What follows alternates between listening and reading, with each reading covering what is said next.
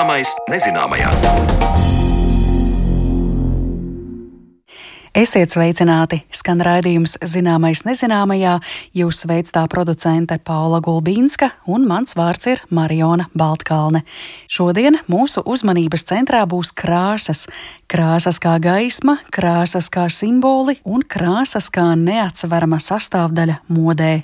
No oktobra modes muzejs Rīgā interesantiem vēris vaļā durvis izstādēji Melns, Balts, Sarkans, kurā iespējams aplūkot tērpus un aksesuārus ikoniskajās modes krāsās.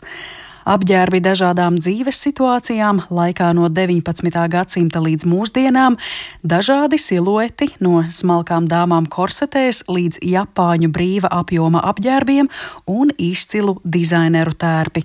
Raidījuma otrajā daļā piedāvāsim ieskatu no mūsu ciemošanās muzejā, kur iepazinām arī krāsu ieguves veidus.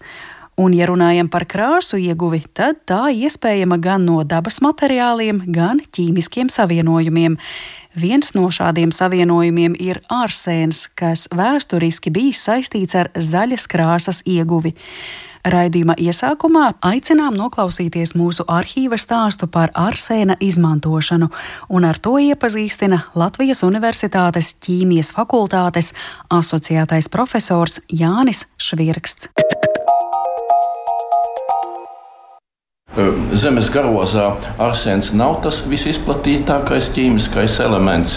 Izplatības ziņā tas varētu būt kaut kur noteikti pēc otrā desmita, taču arsēna minerālu skaits ir ļoti liels un nu, atkarībā no kā kurā literatūrā, citur tiek minēta apmēram 300 arsēna minerāli, citur vēl lielāks arsēna minerālu skaits. Un tādā nu, geogrāfiskā izplatības ziņā Tātad viena no tām valstīm, kur arsēna ir daudz, tā ir Ķīna. E, Čīlē arī gana lieli arsēna krājumi, Kanādā lieli arsēna krājumi. Nu, pārējās valstīs laikam tas ir mazāk. Un e, brīvā veidā arsēns laikam ļoti, ļoti reti kādreiz varētu būt sastopams, bet tie ir arsēna minerāli. Un šeit ir viena minerālu grupa, arsēns kopā ar sēru, arsēna sulfīdu nākošā minerālu grupa, eh, kur ir arsēns, tas ir arsēns kopā ar smagajiem metāliem. Eh, šeit laikam tas pazīstamākais savienojums ir arsenopirīts. Tātad savienojums, kurš satur dzelzi, kurš satur sēru un satur arsēnu. Un tas ir viens no tiem galvenajiem arsēna ieguves avotiem šobrīd.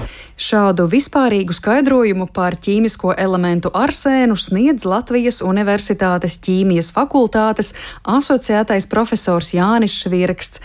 Bet tālāk pievēršamies stāstiem par to, cik dažādos veidos arsēns izmantots agrāk un tagad.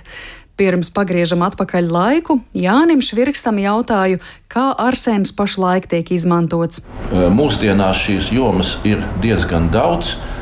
Ja mēs apskatāmies kaut kādus statistikas datus, tad izrādās, ka lielākā daļa arsēna šobrīd tiek patērēta lauksaimniecībā, tas ir nu, dažādu pesticīdu ražošanā. Tālāk parasti tiek norādīts, ka arī diezgan daudz arsēna tiek izmantots eh, dažādu metālu sakausējumu ražošanā. Tie krāsainie metāli galvenokārt kopā ar varu liekas, jā, un Kaut gan arsēnu pašu brīvā veidā tikai viduslaikos ieguva, e, taču izrādās, ka šie arsēna savienojumi jau ir bijuši zināmi apmēram 2-3 tūkstošus pirms mūsu ēras, un jau toreiz ir nu, tikuši izmantoti šo vara uh, sakausējumu iegūšanā. Es ieraudzīju sev uz galda baterijas un iedomājos, baterijas un tādas elektroiekārtas varbūt arī ir tās, kurās arsēns noderētu. Moderns arsēna izmantošanas veids. Tie ir divi ķīmiskie savienojumi - galija arsenīts un indija arsenīts, kas tiek izmantoti gan pusvadītāju tehnikā, elektronikā, tiek izmantoti gaismas diodēs, arī izrādās saules paneļos tiek izmantoti. Nu, tie ir tādi ļoti mūsdienīgi izmantošanas veidi. Bet, ja teiksim, skatītos uz to absolūto nu, arsēna masu, kas tiek izlietota, nu, tad tajos ir nesalīdzināmi mazāk nekā šajā lauksaimniecībā. Un arī šobrīd arsēna viens no tiem izmantošanas veidiem ir koksnes impregnēšanā, lai aizsargātu koksni. Tāpat arī ļoti šie vieni no tiem tipiskākajiem arsēna savienojumiem, kas agrāk tika izmantoti, tas ir tā sauktais baltais arsēns no ķīmiskā viedokļa. Tas ir arsēna trīs oksīds, kurš e, ir gana toksisks savienojums un tika izmantots nu, atbilstoši tām viņa īpašībām, lai nu, noindētu cilvēkus. Jā, vai par šīm toksiskajām īpašībām arī cilvēce zina jau sen? Nu, 19. gadsimtā jau laikam tā īsti apzinājās, ka ir šīs toksiskās īpašības.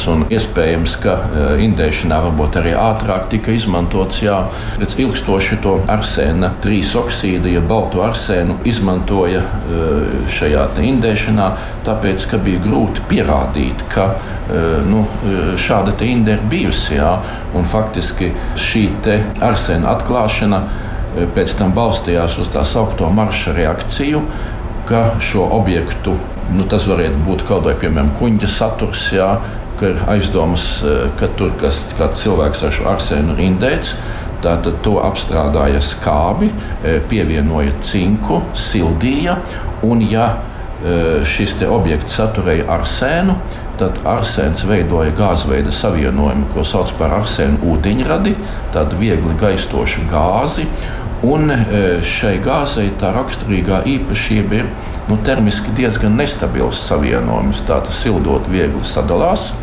Un tad, e, laižot e, šo gāzi caur kaut kādu stikla caurulīti un nedaudz apakšā sildot, veidojās tāds spogulim līdzīga virsma, tā sauktais arsēnas spogulis. Un līdz ar to bija iespējams pierādīt, ka, jā, ka tur tiešām arsēna savienojumi ir tikuši lietoti. Bet uh, par tām arsēna toksiskajām īpašībām tātad tas ir viens no tiem pazīstamākajiem savienojumiem. Uh, taču šeit vēl jāpiemina zaļie pigmenti, kuru sastāvā ir uh, arsēns, kas arī tika 19. gadsimtā iegūti bija ļoti uz to pamata, varēja izveidot ļoti skaistas tādas zaļas krāsas. Un šeit bieži vien tiek pieminēts, ka tika izmantota kā tapetēs, kā viens no šiem ornamentiem, šīs zaļās krāsas tapetēs. Un, ja nu tā tapete stāv kaut kādā sausā teiksim, telpā, nu, tad jau nebūtu nekas, jo no nu, mēlī jau neies un nelaizīs to krāsu. Bet to tās problēmas laikam radās tad, ja bija mitras e, kaut kur, jā, mitrās telpās stāvot, ka tur parādījās arī dažādi šie mikroorganismi, e, kuri e, iedarbojoties ar šo krāsu, arsēnu pārveidoja par gaistošajiem arsēna savienojumiem, un līdz ar to jau šie arsēna savienojumi bija tie, kas gāzes veidā, nelielās, ļoti nelielās koncentrācijās, šajās dzīvojamās telpās tur nokļuva. Un, ja tur ilgstoši uzturējās, nu, tad tas tika ieelpots. Un, nu, lai ar tās krāsas bija ļoti skaistas, nu, šobrīd tādas mēs vairs neizmantojam. Šo te ārkārtīgi skaisto zaļo krāsu sauca par Parīzes zaļo. Pirms tam bijis pazīstams arī šēles zaļais ar citu ķīmisko sastāvu un netik intensīvu toni. Jānis Švirks sarunā min, ka arsēns lietots arī indīgās kaujas gāzēs un pirotehnikā, bet pieminētais 19. gadsimts pazīstams ne tikai ar marša reakcijas izstrādi.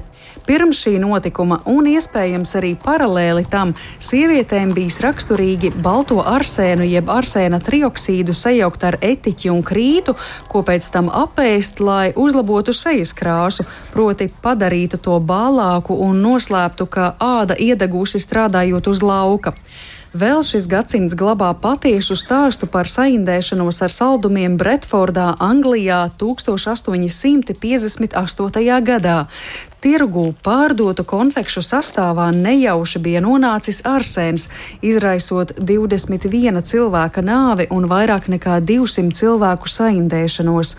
Un vēl klīst leģendas par iespējamo Francijas imperatora Napoleona Bonapārta noindēšanu ar arsēnu, taču tam gan pierādījumu nav. Agrāk jau arsēna savienojumus pārdeva e, diezgan e, vienkārši, jo izmantoja gan to grauzēju indēšanai, gan visādu kukaiņu indēšanai. Un, acīm redzot, man liekas, vajadzēja tikai parakstīties aptiekā un varēja nopirkt. Jā, un, un kaut kur laikam pirms kādiem simts gadiem jau sākās tās nu, īstā tāda regulēšana, ka nevar vairs pārdot visu, ko un visu, ko. Jā. Mm. Bet tur arī interesanti, nu, šobrīd mēs varam atrast, ka arsēnu izmantotu nu, dažādu pesticīdu iegūšanā. Ja. Tā pašā laikā viens no arsēna savienojumiem no organiskiem savienojumiem tiekot pievienots uh, nu, lopbarībai, arī putnu barībai. Un tā tad ļoti niecīgās koncentrācijās nav šī toksiskākā iedarbība. Un tur raksta, ka tieši otrādi viņš veicina šo putnu attīstību. Nu, raksta arī, ka kaut kādas nu, joprojām nedaudz izmanto leikēmijas ārstēšanā, ļaundabīgu audzēju ārstēšanā, ar sēnu savienojumus.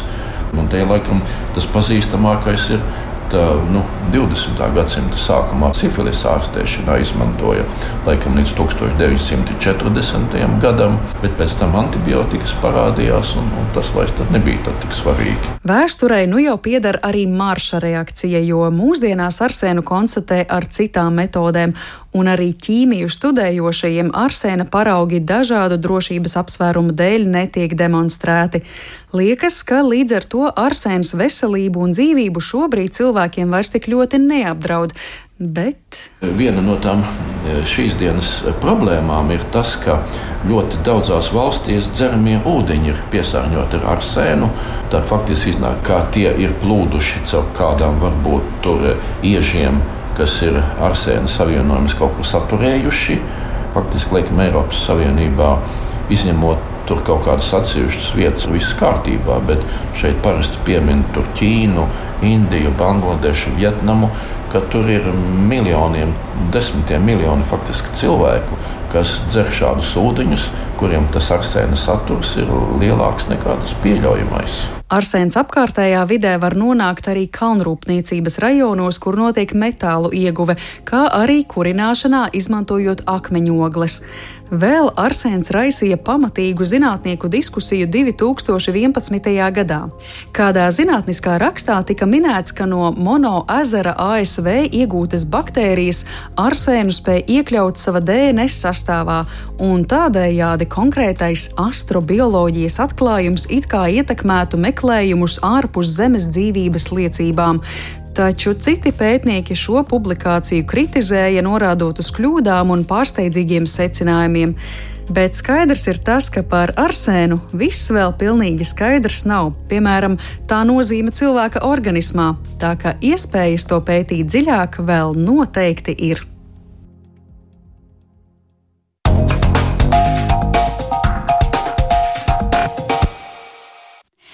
Dzirdējāt mūsu arhīva materiālu par arsēnu, kas atrodams zaļas krāsas pigmentos, un modes vēsturē laupīs arī dzīvības. Bet melnu, baltu un sarkanu krāsu pēc brīža tuvāk iepazīsim modes muzejā Rīgā.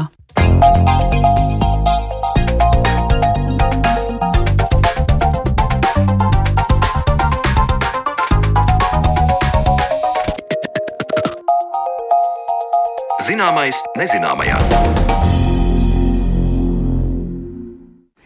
No 21. oktobra Modes muzejā Rīgā ir apskatāma jauna izstāde Melns, Balts, Sarkans, kas tapusi sadarbībā ar Aleksandra Vasiljeva fondu.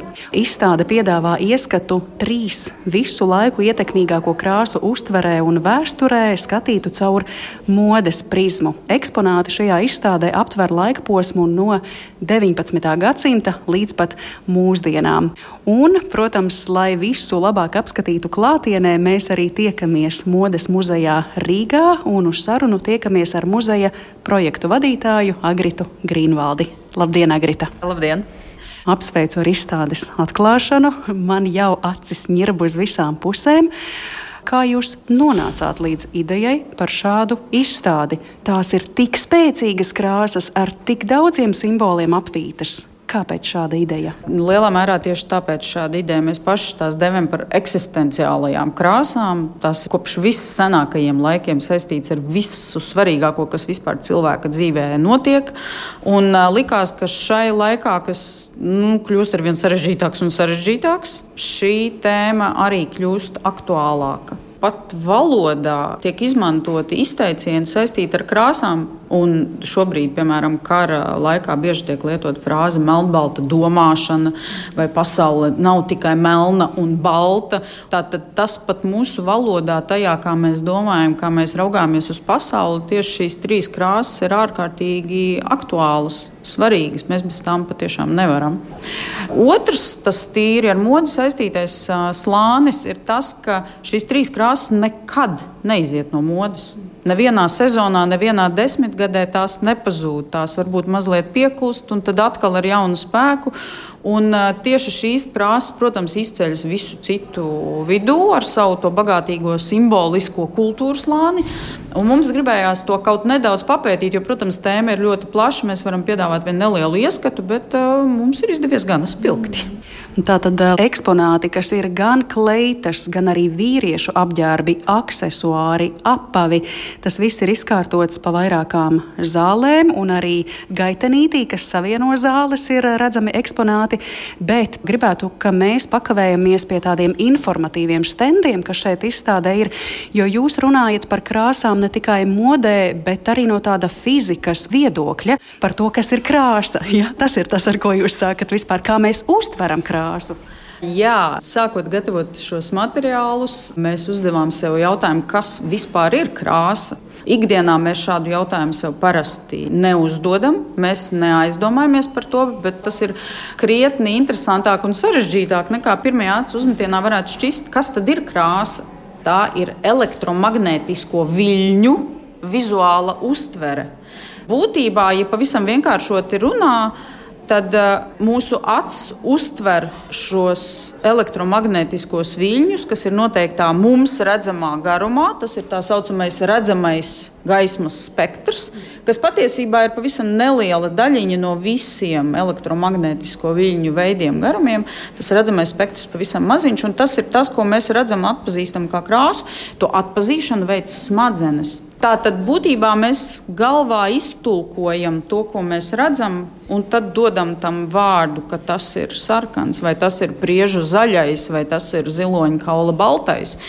Un te sākas visas tās daudzas problēmas, visi daudzie strīdi par to, vai tenisa bumbiņa ir zaļa vai dzeltena.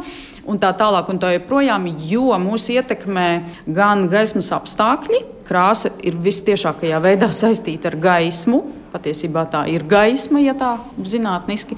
Un mūs ietekmē arī mūsu redzes īpatnības, kas katram cilvēkam var kaut nedaudz, bet tomēr atšķirties. Un mūs ļoti lielā mērā ietekmē arī tas, kā mēs esam iemācījušies krāsas atpazīt, nosaukt, kā mēs saucam to vai citu krāsas toni, kāda ir bijusi mūsu pieredze šīs krāsas atpazīt un nosaukt. Un saliekot šo visu kopā, tur ir ārkārtīgi daudz sarežģītu lietu. Arī tas, ka priekšmetiem patiesībā krāsa nemaz nepiemīt. Mēs to tikai redzam, mēs to piedēvējam. Tā ir ļoti, ļoti interesanta tēma. Kaut kas, ko mēs uztveram kā šķietami neapgāžamu, acīm redzamu faktu, izrādās ir daudz iluzorāks nekā mēs varbūt pat gribētu domāt. Tad es šobrīd gribu domāt, ka jums, Agrita, un arī man ir melns džemperis šobrīd mugurā, bet varbūt tā arī nav.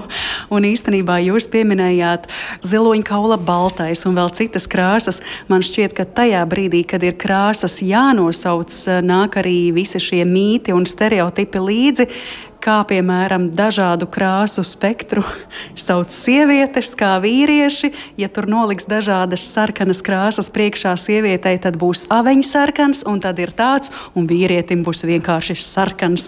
Es te vienkārši tā labdabīgi pasmējos par to, kā mēs to paši interpretējam.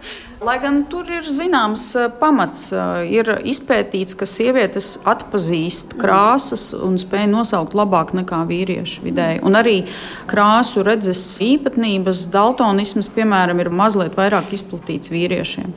Viens no skaidrojumiem ir tāds, ka mednieku vācēju senajā laikā, kad ļoti daudz pārtikas savāca tieši sievietes, bija būtiski svarīgi spēt atpazīt ogu, augļu, toņu nokrāsas, lai zinātu, kurš auglis vai oga ir ēdams, gatavs un tā tālāk. Un tas, acīm redzot, ģenētiski ir šī informācija mūsos saglabājusies vēl joprojām. Tā ka jā, par sieviešu krāsu atpazīšanas spēju tā ir lielākoties izcila. Skaidrs tas par krāsu. Kas ir tas, ko jūs stāstāt par krāsu teoriju un kas ir krāsu teorija? Ja runā par krāsu teoriju, tad, um, lai gan ir pagājuši ārkārtīgi daudzi gadi, kopš 1704. gada, kad iznāca Ņūtona grāmata, kas veltīta optikai, joprojām viņš ir tāds nozīmīgākais vārds krāsu teorijas jomā. Ņūtons, kamēr bija Londonā lielais mēris un citas nelāgas lietas notika, bija noslēdzies vientulībā un eksperimentēja ar gaismu, ar prizmu. Un, um, viņš saprata šo patiesību, ka caur prizmu mēs iegūstam varavīksni, tātad šo redzamo gaismas spektru, šīs septiņas varavīksnes krāsas. Un, uh, viņš saprata, ka balta krāsa veidojas no visām citām krāsām kopā. Un tad pēc kāda laika ar viņu par to neklātienē diskutēja Gēte. Dzēnieks, arī filozofs, domātājs, arī dzen, dabas zinātnieks. Viņš gan vairāk pievērsās tādai krāsu uztverēji, tam, kā mēs krāsas redzam, krāsu tādai miedarbībai un uh, apstrīdēja dažas no šīm Ņūtona idejām. Nu, laikam tomēr Ņūtonam ir taisnība. Un Gētas darbu vairāk uztver tādā nu, mākslinieckā griezumā. Kopš seniem laikiem krāsām ir piedāvātas dažādas likumiskās īpašības, vai iezīmes, vai dažādas asociācijas, kas dažādās kultūrās ir ārkārtīgi atšķirīgas kas mēdz arī laika gaitā mainīties. Krāsas kļūst populāras, un tad tās kļūst tā izdomīgas. Piemēram, dzeltenā krāsa ļoti ilgu laiku bija aizdomīga. Krāsām cilvēks piedēvē kaut ko tādu, kam ar fiziku nav nekāda sakara.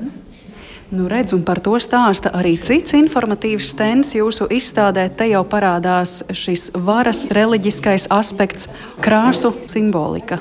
Krāsu viens akcents ir šī krāsu simboliskā nozīme, un ļoti bieži ir tā, ka krāsas izteikti nāk modē kaut kādā periodā, un tomēr tas ļoti bieži ir saistīts ar krāsvielu pieejamību. Šīs divas lietas iet roku rokā, jo Skaidrs, ka cilvēkiem senatnē krāsa bija ārkārtīgi nozīmīga. Mums to šobrīd ir grūti saprast. Mums krāsa ir lēta.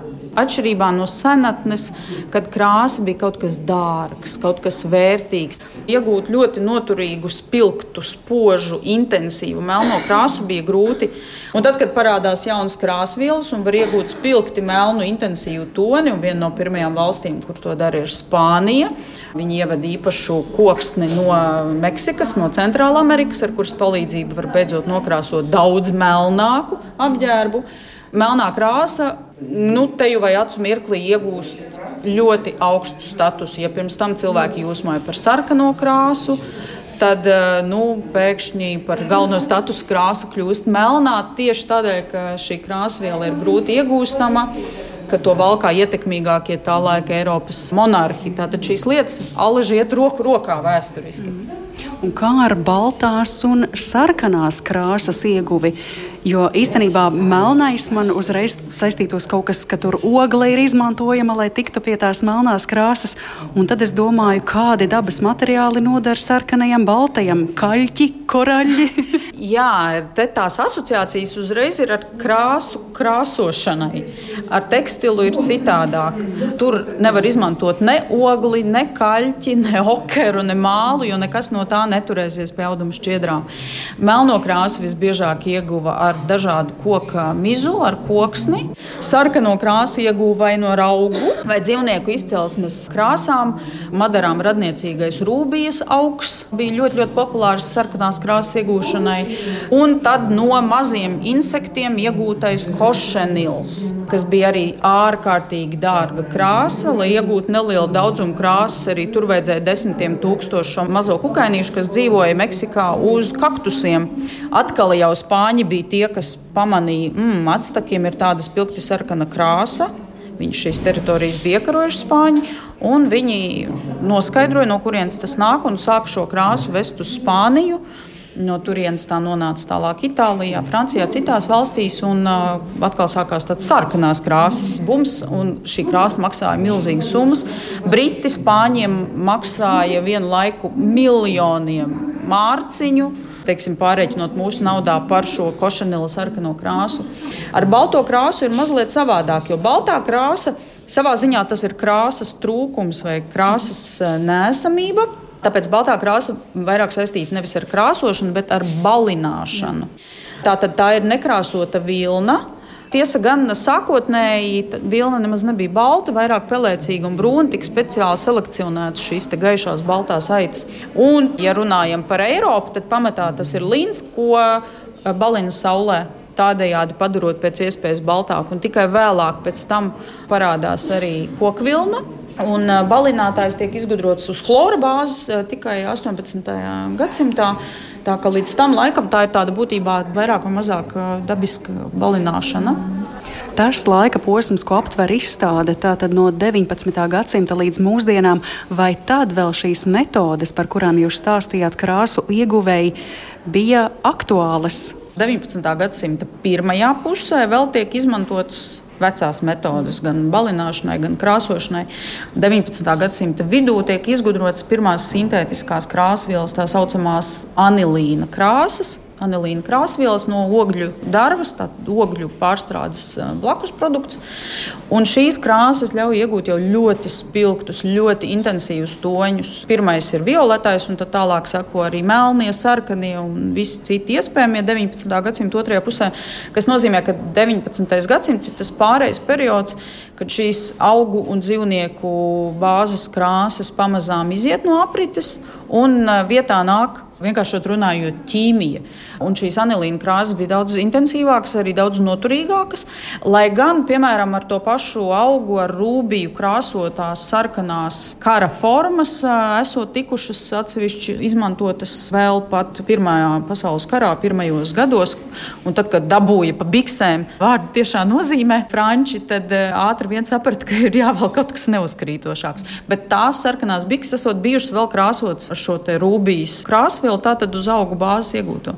Un eh, šīs iezīmes var redzēt arī latviešu tautas tērpos, kuros pamazām šīs augu krāsas, madaras sakne un krāsu mēle un citas tiek nomainītas ar šīm rūpnieciskajām, jau pilsētā pirktajām krāsvielām. Bet jā, šī simboliskā nozīme, kas tika piešķirta krāsām, ļoti ilgus gadsimtus ir bijusi saistīta ar reliģiju, ar tieši reliģiskajiem priekšstatiem. Baltā krāsa, ko mēs arī tā tradicionāli sasaistām ar kaut ko labu, likumīgu, tur arī reliģijai bija sava ietekme. Balta krāsa, jā, jau Bībelē vecajā derībā ir šie teksti par to, ka tas, kas ir asins sarkans, tātad tādā grēka krāsā, tas taps nomazgāts balts. Mm. Tātad šis pretstatījums, ka sarkanais kā grēka krāsa un baltais kā tīrības krāsa, tas kristīgajā ticībā ir ļoti, ļoti, ļoti nozīmīgs. Un, ja mēs raugāmies uz tiem svarīgākajiem, piemēram, rituāliem, kas ir sievietes dzīvē, kristietībā, tad tās ir kristības, baltā krekliņā, kristība krekliņā, tad ir iesvētības, atkal balts tērps, un tad ir līgavas tērps kas nu, jau pāris gadsimtus diezgan izteikti ir tieši baltā krāsā, tad šī saikne ir ļoti, ļoti labi redzama. Labi, tad mēs varam pakavēties pie kādiem eksponātiem šajā izstādē. Domāju, ka daudziem apmeklētājiem, kuri ienāk, ļoti uzmanību piesaista un piesaistīs milzīgi gari, koši zābaki ar ārkārtīgi augstu papēdi. Nu, tādi, kas bieži redzēti tādās erotiskās reklāmās. Jā, nu, sarkanās krāsas viena no šīm nozīmēm, simboliskajām, tā ļoti asociējās ar erotiku. Un tas lielā mērā saistīts ar to, ka sarkanā krāsa ļoti piesaista skatienu, tā ir ļoti pamanāma. Tā ir tāda visādos veidos uzbudinoša iedarbība, gan intelektuāli, gan fiziski, un visādi citādi. Un šie zābaki tas ir ļoti pat varētu teikt, klasisks piemērs, kā sarkanā krāsa tiek izmantota šādos erotiskos apģērbos. Ļoti bieži sastopams motīvs, šie garie, visas kājas garumā garie zābaki. Uz augstas platformas, kas nav domāti valkāšanai ikdienā, kuriem ir tikai viens uzdevums. Būtībā jā, izraisīt ļoti spēcīgu erotisko interesi par šo zābaku valkātāju. Sarkanā krāsa vispār ir pirmā, ko cilvēki ir iemācījušies nosaukt atpazīt un arī izmantot. Un es domāju, ka jau ļoti, ļoti sen cilvēki saprata, ka tas acu piesaistošais spēks ir jāizmanto. Ļoti daudz tā ir izmantota ceremonijās, rituālos, amuletos. Tā ir uztverta arī kā aizsargkrāsa, piemēram, pat tautas tērpu izšūmi sarkanā krāsā, tas nav vienkārši tāpat. Tie aizsargā cilvēku. Tie parasti ir izvietoti piemēram tādās dzīvībai svarīgās vietās - krūšu daļa, ap kaklu, ap aprocēm šis priekšstats par sarkano spēku nāk jau no visenākajiem laikiem, un erotika būtībā ir vienkārši viena no šīm spēka izpausmēm. Un sarkanas, baltas, melnas kleitas mums šeit arī paveras acu priekšā. Ir arī viens otrs slavenību tērps. Tā kā jā, izstādē ir tiešām ļoti daudz ko redzēt, gan detaļās, gan kopainā. Mēs taču šķiet varam arī izcelt kādus uh, spilgtākos pārstāvjus, un te viens ir modelis no Japāņiem. Atgādina drīzāk tādu pančo mētelīti, jo Japāņiem laikam tās šaurās pieguļošās formas nevisai ir patikušas. Un melnais arī nav īsti tāds ogļu melns, bet jau tāda pāreja pelēcīgā tonī ļoti elegantā. Tas ir izsējis eh, Mjake, plisēta poliestera kleita. Izsējis Mjake, Japāņu dizainers, kurš bija viens no pirmajiem, kurš iekaroja rietumu modes pasauli un ļoti veiksmīgi ieviesa rietumos šīs Japāņu estētikas iezīmes. Un apģērbā viena no tādām ir uh, brīvs, tāds gandrīz vai skulptūrāls apģērbs, jo Japānā pieguļošs apģērbs, kas izceļ auguma aprises, netika uzskatīts vēsturiski par pievilcīgu. Runājot par melno krāsu, Japāņu dizainā tā ir ļoti būtiska. Vairāki Japāņu dizaineri, ne tikai Isais Miyake, arī Jodzija Mamoto, Reja Kavakubo, kas 80. gados iekaroja Parīzi, nāca tieši ar tādu ļoti intensīvu melnās krāsas izmantojumu. Japānā melnā krāsa ir maskulīna, ļoti vīrišķīga krāsa tā ir samuraja krāsa, spēka krāsa. Tieši tādēļ dizaineri to tik daudz izmantoja sieviešu apģērbā. Iedot sievietei melnu apģērbu, tas nozīmē iedot sievietei spēku. Tas ir apmēram tāpat kā Chanel, kur ģērba sievietes no vīriešu garderobas aizgūtos apģērbos, piešķīra viņām daļu šī vīriešu spēka. Un te arī notiek kaut kas līdzīgs. Daudz no šiem dizaineriem ir dzimuši īsi pirms vai otrā pasaules kara laikā. Īsais Mijakis, ap citu, vispār Hirosimā ir dzimis, kas nozīmē, ka viņa traumatiskā pieredze, viņa vēlme rūpēties par sievietēm, dot viņām spēku, dot viņām aizsardzību, dot viņām šo iespēju arī mazliet distancēties, pasargāt sevi, tad, kad tas ir nepieciešams. To visu var nodrošināt melnā krāsa. Ja gribās, lai neviens tev īsti tā uzreiz nenāk klāt, melna krāsa ir ļoti palīdzīga. Cilvēkiem, kas publiskā vidē strādā, viņi diezgan bieži šo izmanto, ja grib mazliet sevi padarīt atturīgāku un distancēties. Slavenības un Ja runājam par slavenībām un vēl par melno krāsu, kleitiņa ar daudziem mirdzumiņiem, bet svarīgākais jau laikam, kam tā ir piederējusi. Jā, šī kleita ir no Aleksandra Vasiljeva fonda kolekcijas un savulaik piederējusi Merilinai Monroe. Un 60. gadā Merilina Monroe šo kleitu uzdāvināja savai ilgadējai grima māksliniecei Fokus studijā. Un uh, fonds, Vasiljeva fonds iegādājās specializētā izsolē šo tērpu.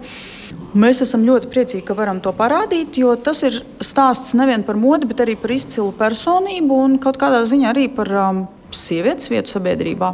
Jo Merlins Monroe stāsts, ja tā iedziļinās, šķiet viens no traģiskākajiem 20. gadsimtā sieviete, kas visiem asociējās kā seksa simbols. Būtībā visu savu mūžu cieta no tā, ka viņu uzskatīja par uh, dumjo, dumjo blondīni. Lai gan viņa bija ļoti talantīga aktrise, un viņa cieta no tā, ka pirmkārt viņas talants netiek pilnvērtīgi filmās izmantots parasti, un otrkārt viņa cieta no šīs attieksmes. Katru reizi, kad viņa mēģināja piedāvāt ko nopietnāku, viņa vienkārši izsmēja. Un 54. gadā viņa pat aizmuka no Holivudas uz Ņujorku. Viņa sāka mācīties aktieru meistarību pie Līsas Strasberga. Viņa mainīja arī savu stilu. Viņa daudz vairāk sāka ģērbties melnā.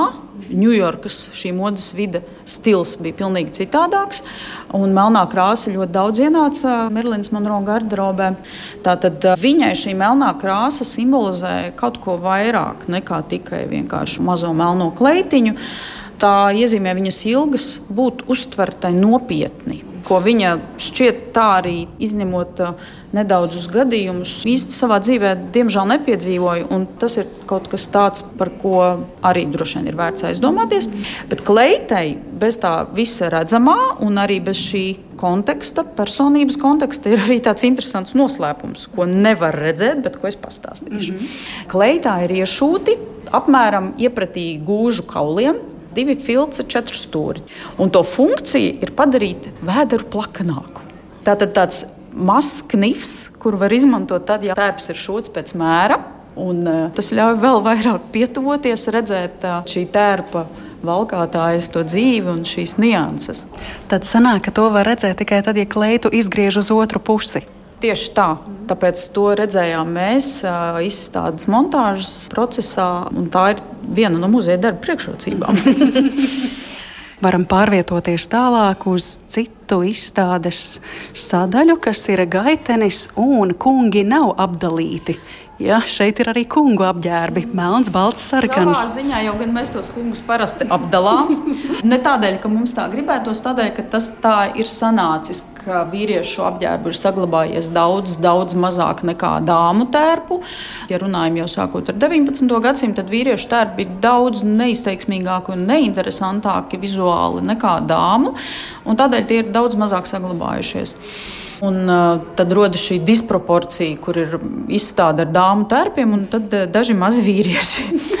Mazi šajā gadījumā, raugoties uz šo sarkano mundieru, vārdu tiešām nozīmē mazi. Var redzēt, ka tas ir tāds nu, XS izmērs.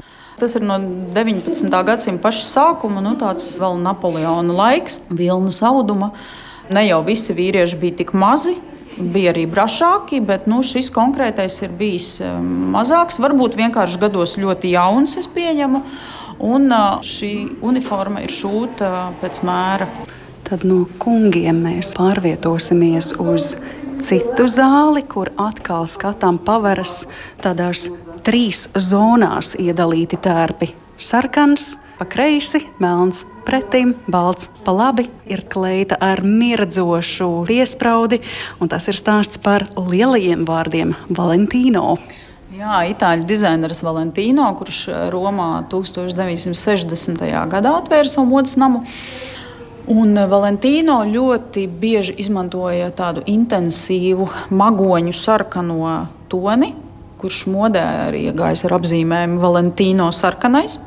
Un eh, Valentīno arī kādā intervijā pats stāsta, kā viņš līdz šīs sarkanās krāsas mīlestībai nonācis. Būdams vēl pavisam jauns, eh, studiju gados, viņš viesojās Barcelonā un bija aizgājis uz operu.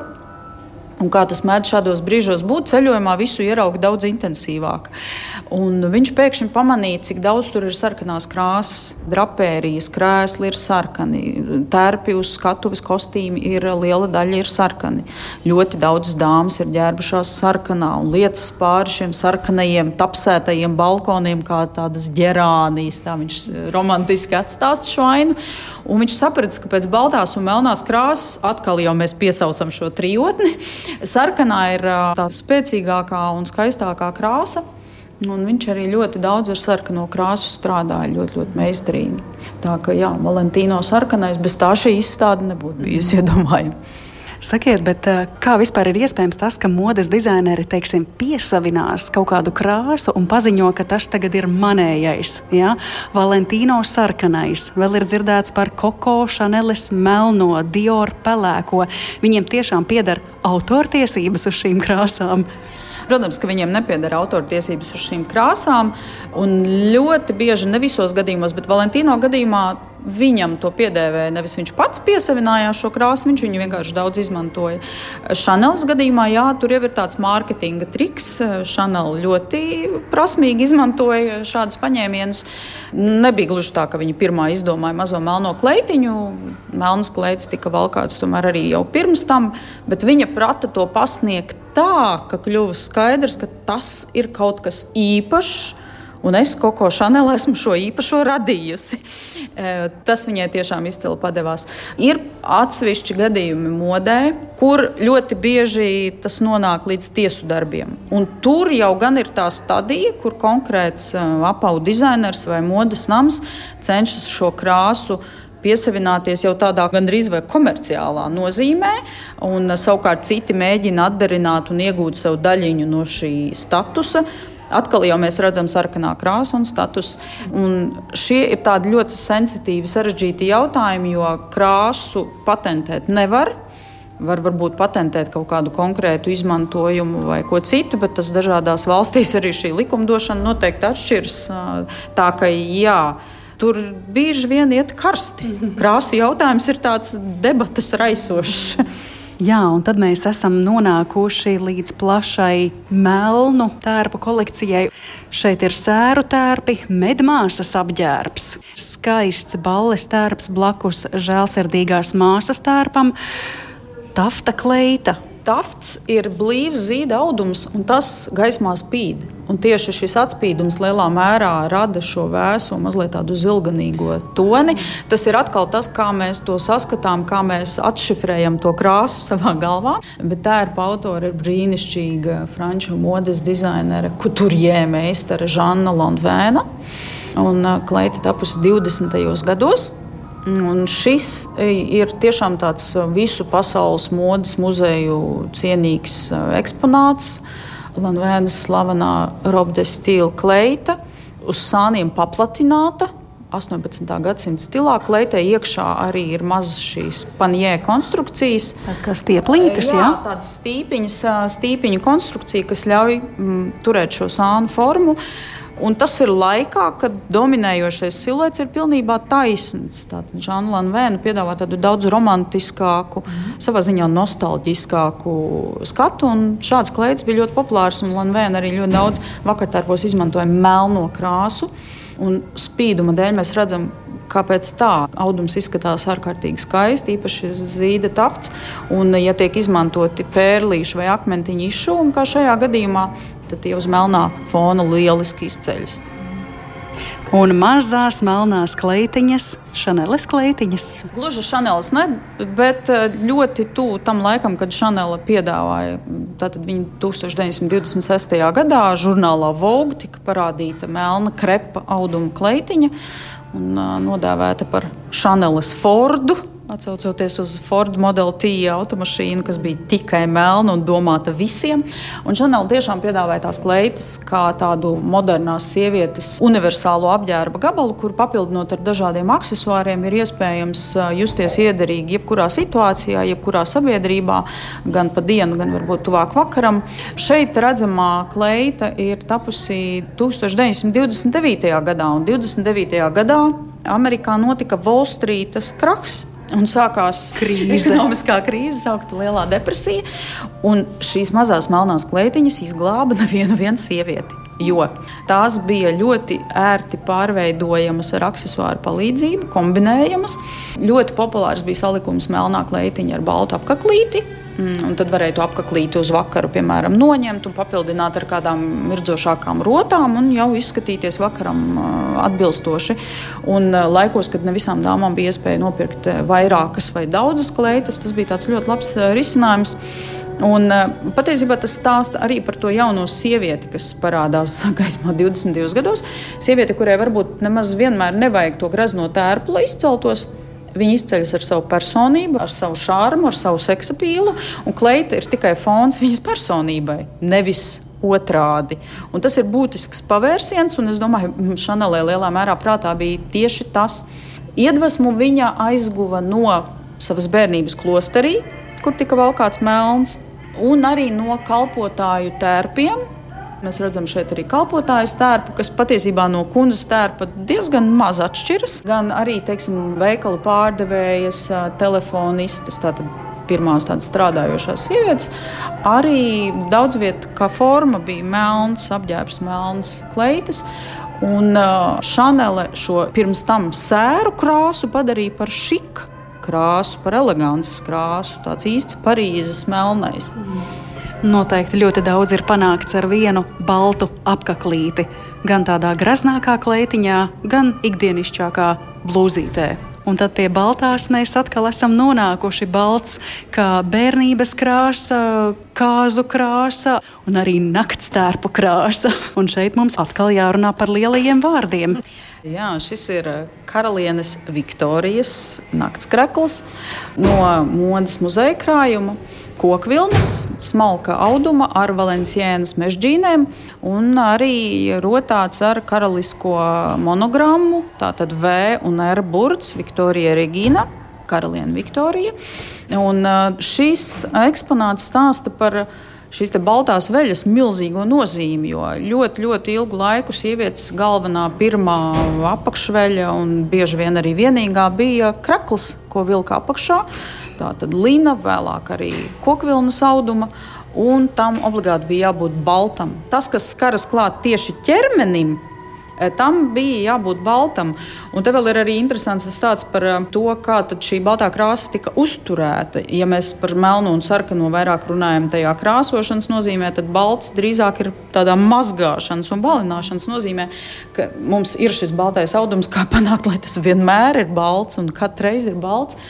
Un, uh, tur tika izmantotas dažādas mazgāšanas viltības un arī veselas sistēmas. Piemēram, Britu karaļnamam bija Prinča Alberta.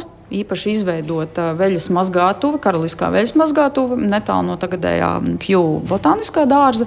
Tātad tīrā zaļā vietā, kur neskādēs nekādi ogļu dūmi. Un, um, no karaliskajām rezidencēm baltā veļa tika savākta Un tad vest uz turieni pat esot bijis īpašs tāds mini-vilcieniņš. Netīrās veļas vilcieniņš izklausās gandrīz vai pēc tāda joka, bet tā patiešām ir bijis.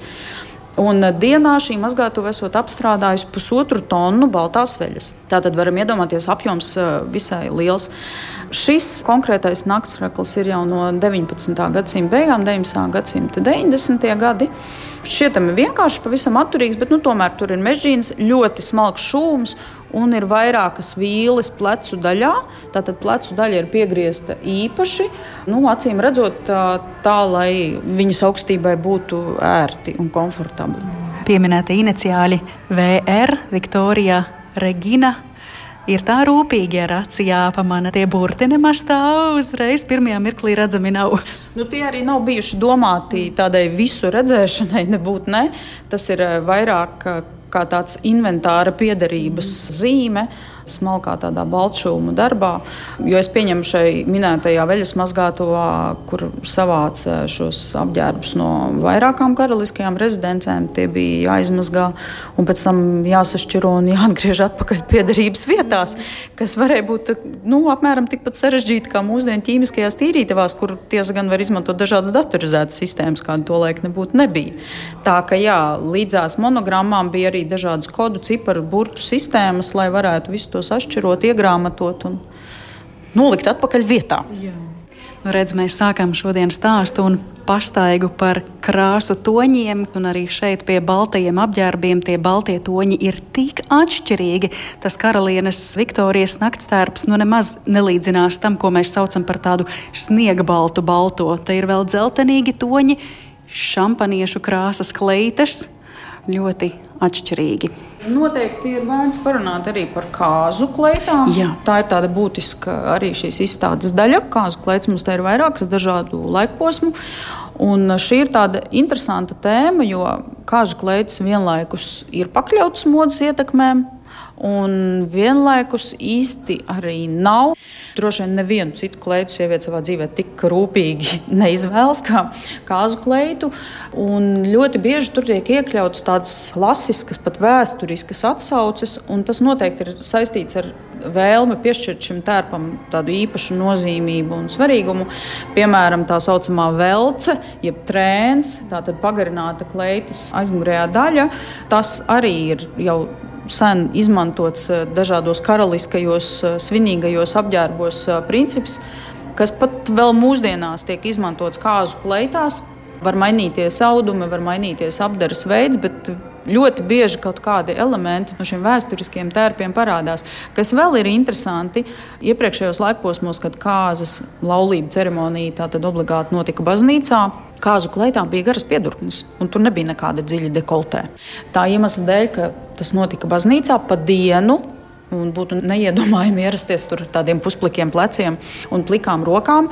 Tas, ko mēs redzam, tā, tā, tā ir kleita no Francijas ap 1930. gadu, samts, viskoze un tai šampaniešu krāsas kleitai. Ja es izvēlos šādu toni, vēl ir virsū cita balta toņa. Plīvuriņš tas bija.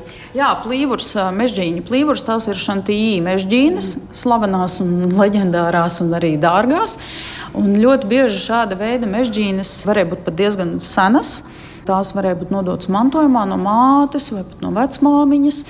Un šādi elementi kāzu apģērbā arī nodrošināja to dzimtas pēctecību, to turpināšanos. Un šad, tad vēl mūsdienās mēdz būt tā, ka mamma vai nu aizdot kādu elementu, vai pat tiešām ir gadījies dzirdēt visu kāzu kleitu, ja nu meitai der, un ja meita ir ar mieru vilkt. Un tas savā ziņā nodrošina šo saikni ģimenes sieviešu starpā, kas arī ir ļoti, ļoti svarīga tēma, šī pēcsacība, pārmantojamība. Un kāzu kleita to simbolizē, un arī kāzu plīvurs, šāds mežģīņu arī var būt. Tas ir tā tāds ģimenes dārglietas, kuras tiek nodotas. Tāpat arī ģimenes mežģīnas varēja nodot mantojumā un pēc tam izmantot dažādos veidos, tā skaitā kāzu apģērbā. Izstāde Melns, Balts, Sarkans apmeklētājus gaidīs līdz nākamā gada aprīļa beigām. Šeit būs iespējams paceļot laikā, iztēloties, kā cilvēki savulaik jutās šajos tērpos, un arī pašiem būs iespēja piemērīt stilizētus speciāli izstādes vajadzībām uzšūtus tērpus visās trīs krāsās. Par ekskursiju izstādē pateicos modes muzeja projektu vadītājai Agritai Grīnvaldei un paldies jums, klausītāji, ka pievienojāties šajā stāstā un vēlam aizraujošus atklājumus arī jums. Zināmais nezināmajā šodien izskan, to veidoja Paula Gulbīnska, Girts Bišs, ar jums sarunājās Mariona Baltkalne. Uz sadzirdēšanos atkal nākamajā raidījumā.